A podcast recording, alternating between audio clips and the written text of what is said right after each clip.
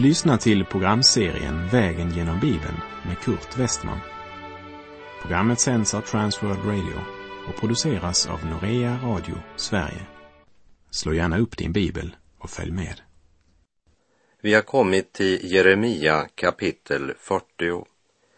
Här ska vi höra att Nebusaradan, översten för drabanterna från Babel, faktiskt visade större respekt för Jeremia än vad folket i Jerusalem hade gjort. Och Jeremia kan välja själv om han vill gå till Babel eller om han vill stanna kvar i Juda. Vi läser Jeremia 40, vers 1 till och med 4. Detta är det ord som kom till Jeremia från Herren sedan Nebusaradan, översten för drabanterna, hade släppt honom fri från Rama. Denne lät nämligen hämta Jeremia, som också han var bunden med kedjor bland alla andra fångar från Jerusalem och Juda som skulle föras bort till Babel. Översten för drabanterna hämtade Jeremia och sade till honom, Herren din Gud uttalade olycka över denna plats och Herren har låtit den komma och har gjort som han har sagt. Ni syndade ju mot Herren och hörde inte hans röst och därför har detta drabbat er. Men idag löser jag dig från kedjorna som dina händer har varit bundna med. Om du vill komma med mig till Babel, så kom, och jag ska då låta mina ögon vaka över dig. Men om du inte vill komma med mig till Babel, så gör det inte. Se, hela landet ligger öppet för dig. Gå dit du önskar och finner för gott. Nebukadnessar ger profeten Jeremia möjligheten att välja. Hade han gått med till Babel hade han säkert fått många privilegier och en bekväm ålderdom, vilket säkert hade verkat förlockande på de prästerna som varit i templet om de hade fått möjlighet att välja. Men Jeremia hade inte varit i Jerusalem och Juda därför att han tjänade mest på det. Jeremias hjärta var i Guds stad Jerusalem. Han var där därför att Gud hade kallat honom. Babels liv hade aldrig lockat Jeremia, medan kungen i Juda, prästerna i templet och de flesta av folket hela tiden haft sina hjärtan i Babel, fastän deras kroppar befunnit sig i Jerusalem. Det hade ju deras ogudaktiga liv vittnat om. Borde Jeremia ha gått med alla dessa landsmän som nu fördes bort i fångenskap? Nej, varför skulle han det? Han hade genom många, många år förkunnat Herrens ord för dem. Men de hade förkastat budskapet och även förkastat profeten. Jeremia kallelse var i det land som Gud med ed hade lovat Abraham, Isak och Israel och Herren skulle kalla en annan man till profet för judarna i Babel, nämligen Hesekiel. Jeremia hade uppmanat folket att överge sig till Nebukadnessar och hade de gjort det hade de sannolikt fått stanna kvar i landet. Men den som inte vill böja sig för Guds vilja måste gå i Babels fångenskap. Där sitter de nu vid vattenkanalerna och gråter. Sången har tystnat. Harporna är upphängda i träden. Från vers 8 i kapitel 40 möter vi Ismael, Netanjas son, som planlägger att mörda Gedalja, som Nebukadnessar utnämnt till regent över Judas städer i storriket Babel och kapitel 41 återger det kallblodiga mordet på Gedalja samt mördandet av alla de judar och kalder som vid det tillfället befann sig hos Gedalja. Och dagen efter så mördar han 70 utav 80 män som kom från Sikem, Silo och Samaria. Tio av dem fick leva därför att de visste om några stora förråd av vete, korn och olja och honung. Han kastar de döda kropparna i en brunn och sedan för han bort som fångar alla som var kvar i Mispa. När Johanan och det befäl som var med honom får höra detta så drar de ut för att strida mot Ismael och får med sig hela skaran av folket från Mispa. Men av fruktan för hur kungen i Babel ska reagera när han får höra att den han utnämnt till guvernör eller ledare för Juda blivit mördad, så bestämmer Johanan sig för att fly till Egypten. Det står i början av kapitel 41 att i sjunde månaden kom Ismael med tio män till Gedalja. I sjunde månaden, det vill säga det närmade sig tiden för lövhyddohögtiden. Den här flocken på 80 från Sikem, Silo och Samaria visste väl att både Jerusalem och templet nu hade lagts i grus. Det är deras stora sorg som kommer till uttryck genom att de rakat av sig skägget och rivit sönder sina kläder och till och med ristat sina kroppar. De vet att templet är jämnat med marken. Ändå bär de med sig både matoffer och rökelse för att bära fram det på den plats där Herrens hus hade stått. Templet kan fienden förstöra, men de kan inte hindra att de ber till Gud. Men 70 av dem blev martyrer. Och i den brunn som kung Asa cirka 300 år tidigare hade låtit hugga ut för att säkra Mispas vattenförsörjning om staden skulle bli belägrad, i den brunnen kastade Ismael de slaktade männens kroppar. Bland de övriga som Ismael förde bort i fångenskap var bland annat Jeremia och hans trogne medarbetare Baruk, kanske även Ebed Melek, som det verkar av de första verserna i kapitel 42. Efter att Johanan har befriat dessa fångar vänder han sig till Jeremia och ber att han ska be till Gud för dem. Gedalja som Nebukadnessar insatt, inte som kung men som guvernör över städerna i Juda, hade börjat sin uppgift bra. Framgången fick honom kanske att inbilla sig att han inte hade några fiender. Nej, inte skulle de beskylla Ismael för sådant svek. Han kände ju honom, trodde han. Istället för att ta sig tillvara inbjuder han Ismael och några av hans vänner på en middag för att visa att fortfarande så hade han förtroende för honom.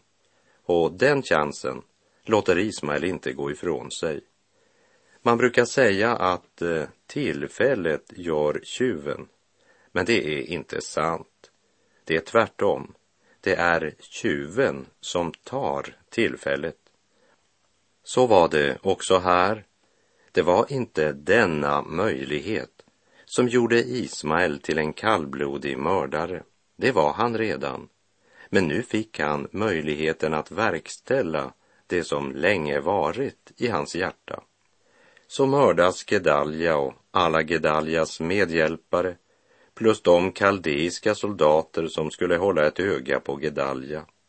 Det flöt mycket blod innan Ismael gör resten av folket till fångar för att fly till ammoniterna. Allt det här har Jeremia varit vittne till. Och medan de är på väg mot Ammon kommer Johanan och några andra av Gedaljas lojala befäl och befriar fångarna. Men Ismael och åtta av hans män lyckas fly. Och så ger sig hela skaran av. Johanan och hans män samt alla som befriats.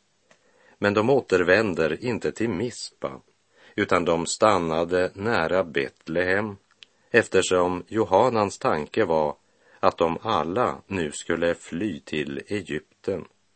Jeremia 41.18 säger att de var rädda för kaldéerna därför att Ismael hade dödat Gedalja, som kungen i Babel hade satt över landet. Det vill säga, beslutet deras är styrt av människofruktan.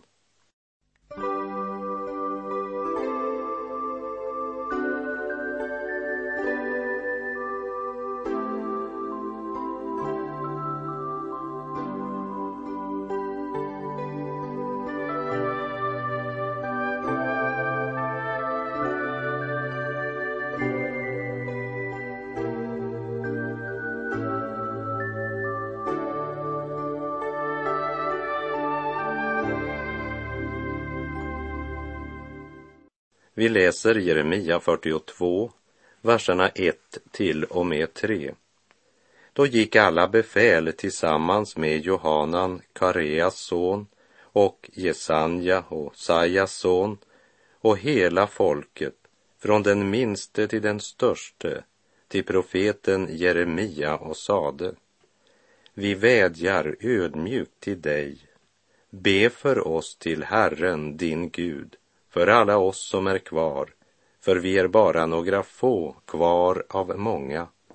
Du ser med egna ögon att det är så med oss. Må så Herren, din Gud, tala om för oss vilken väg vi ska gå och vad vi ska göra. Nu vänder de sig till Jeremia. Ja, det templets präster hade förkunnat visade sig ju inte vara något värt när Guds straffdomar drabbade. Medan det gick precis så som Jeremia hela tiden hade förkunnat, fastän ingen hade velat lyssna till honom. Nu är det också en annan ton. Vi vädjar ödmjukt till dig. Det hade Herrens profet inte hört på cirka 40 år. Och det måste väl vara början till en verklig väckelse när hela folket möter upp på det här sättet från den minsta till den största och de vill ha förbön. Be för oss till Herren din Gud, för alla oss som är kvar. Men låt oss nu se lite grann bakom denna fromma fasad. Sista versen i förra kapitlet visade att de egentligen redan bestämt sig för att fly till Egypten. Därför slår de läger i närheten av Betlehem. Så fast de med sina läppar frågar Gud om vägledning, så visste de redan vilken väg de ville välja. Jeremia skulle nu bara stadfästa det hela för nu var ju situationen så tuff att eh, det var nog bäst att få Herrens välsignelse över den här resan. Det allvarligaste, det är den utomordentligt höga bekännelsen. Hör vilken stark bekännelse de offentligt står fram med när Jeremia säger att han ska be till Gud för dem. Men han kommer inte att säga något annat än det Gud svarar. Och han kommer heller inte att försöka dölja något genom att bara berätta 70 eller 80 procent av budskapet. De ska få höra sanningen. Jeremia 42, verserna 5 och 6.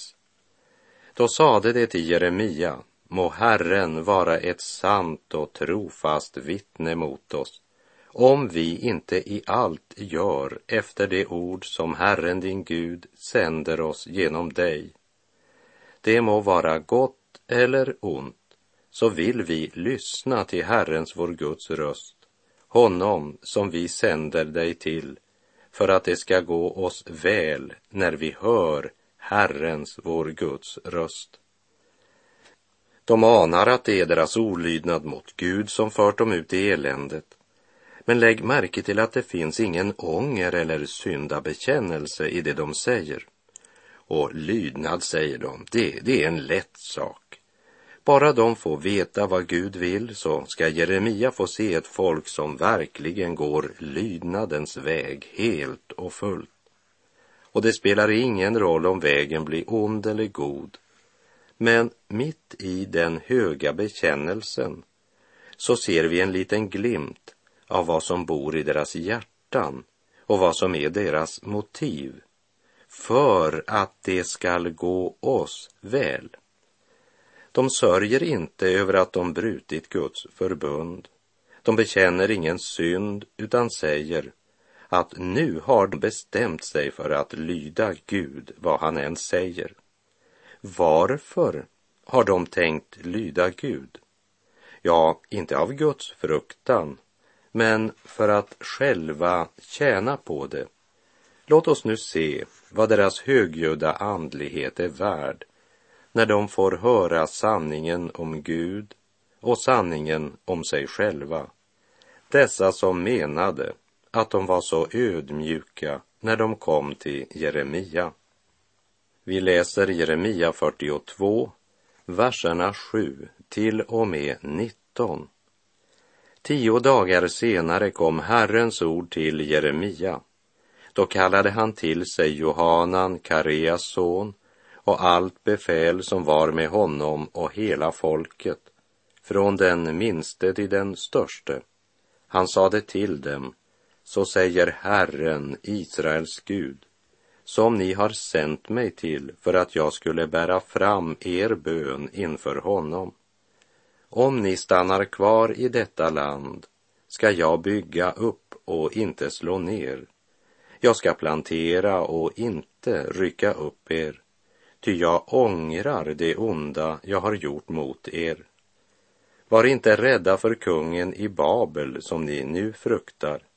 Var inte rädda för honom, säger Herren, ty jag är med er för att frälsa er och rädda er ur hans hand. Jag ska låta er finna barmhärtighet och han ska förbarma sig över er och låta er vända tillbaka till ert land. Men om ni säger, vi vill inte stanna i detta land, och om ni inte lyder Herrens, er Guds röst, utan säger, nej, vi vill bege oss till Egyptens land där vi slipper att se krig och höra ljudet av horn och slipper hungra efter bröd. Där vill vi bo. Hör därför Herrens ord, ni som är kvar av Juda. Så säger Herren Sebaot, Israels Gud. Om ni bestämmer er för att bege er till Egypten och ni kommer dit för att bosätta er, då skall svärdet som ni fruktar för nå er där i Egyptens land och hungersnöden som ni är rädda för ska följa er till Egypten och där skall ni dö. Ja, det är människor som bestämmer sig för att bege sig till Egypten för att bosätta sig där skall alla dö genom svärd, hunger och pest och ingen av dem ska slippa undan och överleva den olycka som jag ska låta komma över dem. Ty så säger Herren Sebaot, Israels Gud, liksom min vrede och min förbittring utgöts över Jerusalems invånare, så ska också min förbittring utgjutas över er om ni beger er till Egypten. Ni ska bli till ett avsky och häpnad och förbannelse och vanära och ni ska aldrig mer få se denna plats. Herren säger till er, ni som är kvar av Juda, bege er inte till Egypten, besinna att jag idag har varnat er. Det är inget lätt budskap Jeremia fått att förkunna. Men han talade trots allt till ett folk som sagt att de var ödmjuka när de bad. Och om de bara fick veta vad Gud verkligen ville så skulle de i allt göra efter det. Låt oss se vilka frukter denna andliga förnyelse fick i praktiken. För eh, det är ju inte vikten som står på etiketten som är intressant, utan vad vikten är när man lägger den på vågen. Vi läser Jeremia 43, verserna 1 till och med 7. När Jeremia hade avslutat sitt tal till folket och sagt dem alla de ord som Herren deras Gud hade sänt honom att tala till dem, då svarade Asarja, Hosajas son och Johanan, Kareas son och alla de andra självsäkra männen till Jeremia och sade det är lögn det du säger. Herren vår Gud har inte sänt dig att säga Ni ska inte bege er till Egypten för att bosätta er där. Det är Baruk, Nerias son, som ägar upp dig mot oss för att vi ska överlämnas i kaldéernas hand så att det dödar oss eller för oss bort i fångenskap till Babel. Varken Johanan, Kareas son, eller någon av befälen eller någon av folket ville lyda Herrens röst och stanna kvar i Judaland. Istället tog Johanan, Kareas son, och alla befälen med sig, alla som fanns kvar i Juda och som hade återvänt från alla de hedna folk dit de hade varit fördrivna för att bosätta sig i Judas land. Både män, kvinnor och barn, kungadöttrar och alla andra som Nebusaradan, översten för drabanterna, hade lämnat kvar hos Gedalja, Ahikams son, Safans son, samt profeten Jeremia och Baruk, Nerias son. De begav sig till Egyptens land, ty de ville inte lyssna till Herrens röst, och de kom till Tapanes. Trots allt som drabbat Juda och Jerusalem så gör de samma misstag en gång till. De hade under så många år vant sig vid präster och profeter vars budskap var beroende av vilka det var man talade till. Så de förstår inte alls denna profet. Vem tror han att han är? Här går mina tankar till något som Paulus skrev till de troende i Korint i Första Korinthierbrevet 2, vers 12 och 13. Men vi har inte fått en världens ande, utan den ande som är från Gud, för att vi ska veta vad vi har fått av Gud. Detta förkunnar vi också, inte med ord som mänsklig visdom lär, utan med ord som anden lär, när vi återger andliga ting med andliga ord. Är det inte otroligt? Först kommer man till Jeremia och säger, vi vädjar ödmjukt till dig. Be för oss till Herren din Gud. Och så lovar de att göra allt efter det ord som Herren din Gud sänder oss genom dig. Och när Jeremia säger vad Gud har uppenbarat, då kallar man Herrens profet för en lögnare. Du talar ju emot oss. Du säger ju inte det vi vill. Förstår du inte vad vi vill? Det är Baruk som äggar upp dig mot oss. Jeremia var inte mot folket, men han kan inte säga något annat än det Gud har uppenbarat för honom. Han talar Guds ord, och det har dessa människor alltid föraktat.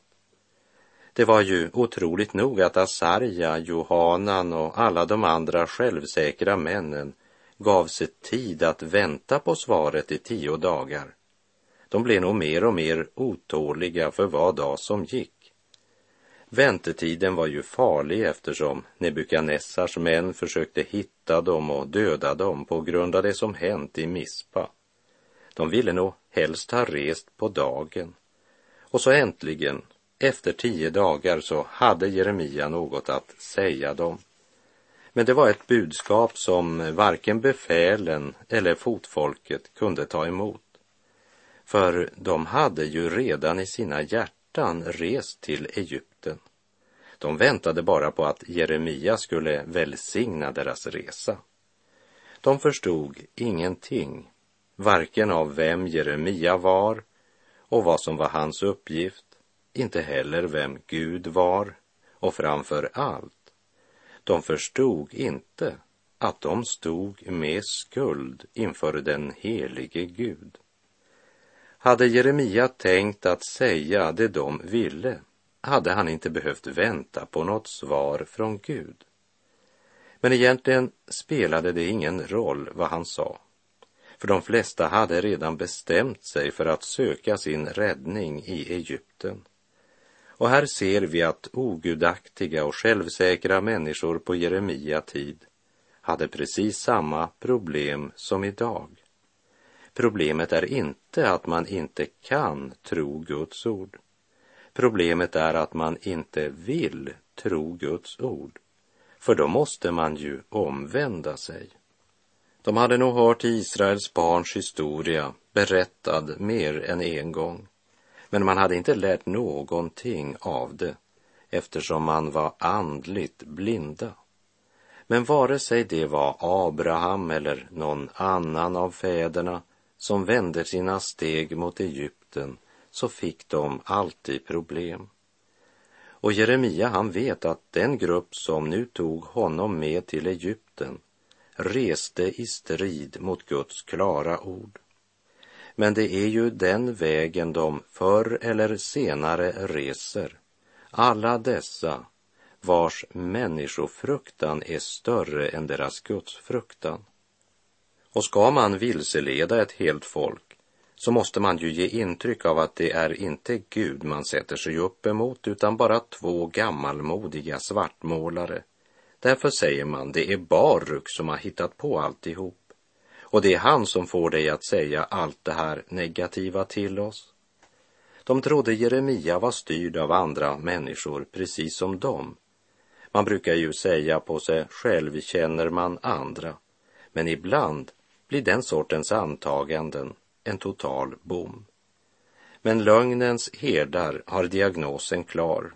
Jeremia ljuger.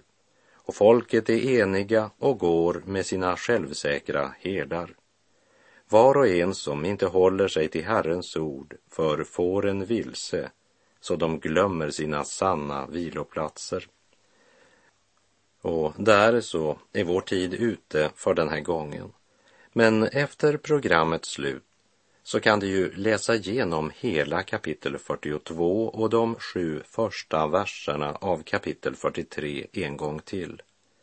Så ser vi att det djupast sett handlar om människans förhållande till Guds ord. Och det säger oss att det är inte all ödmjukhet som kommer från Gud. Och det är inte all andlighet som verkligen är en omvändelse till Gud och hans ord.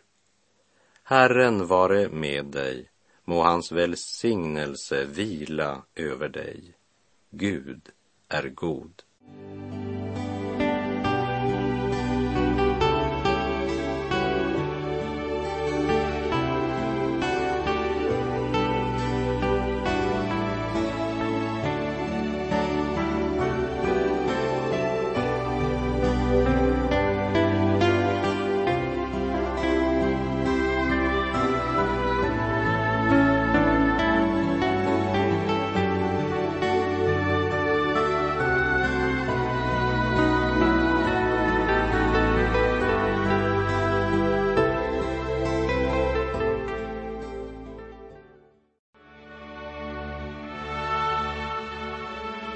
Du har lyssnat till programserien Vägen genom Bibeln med Kurt Westman som sänds av Transworld Radio. Programserien är producerad av Norea Radio Sverige. Om du önskar mer information om vårt radiomissionsarbete så skriv till Norea Radio Sverige, box 3419 103 68 Stockholm. Adressen är alltså Norea Radio Sverige box 3419. Postnumret 10368 Stockholm.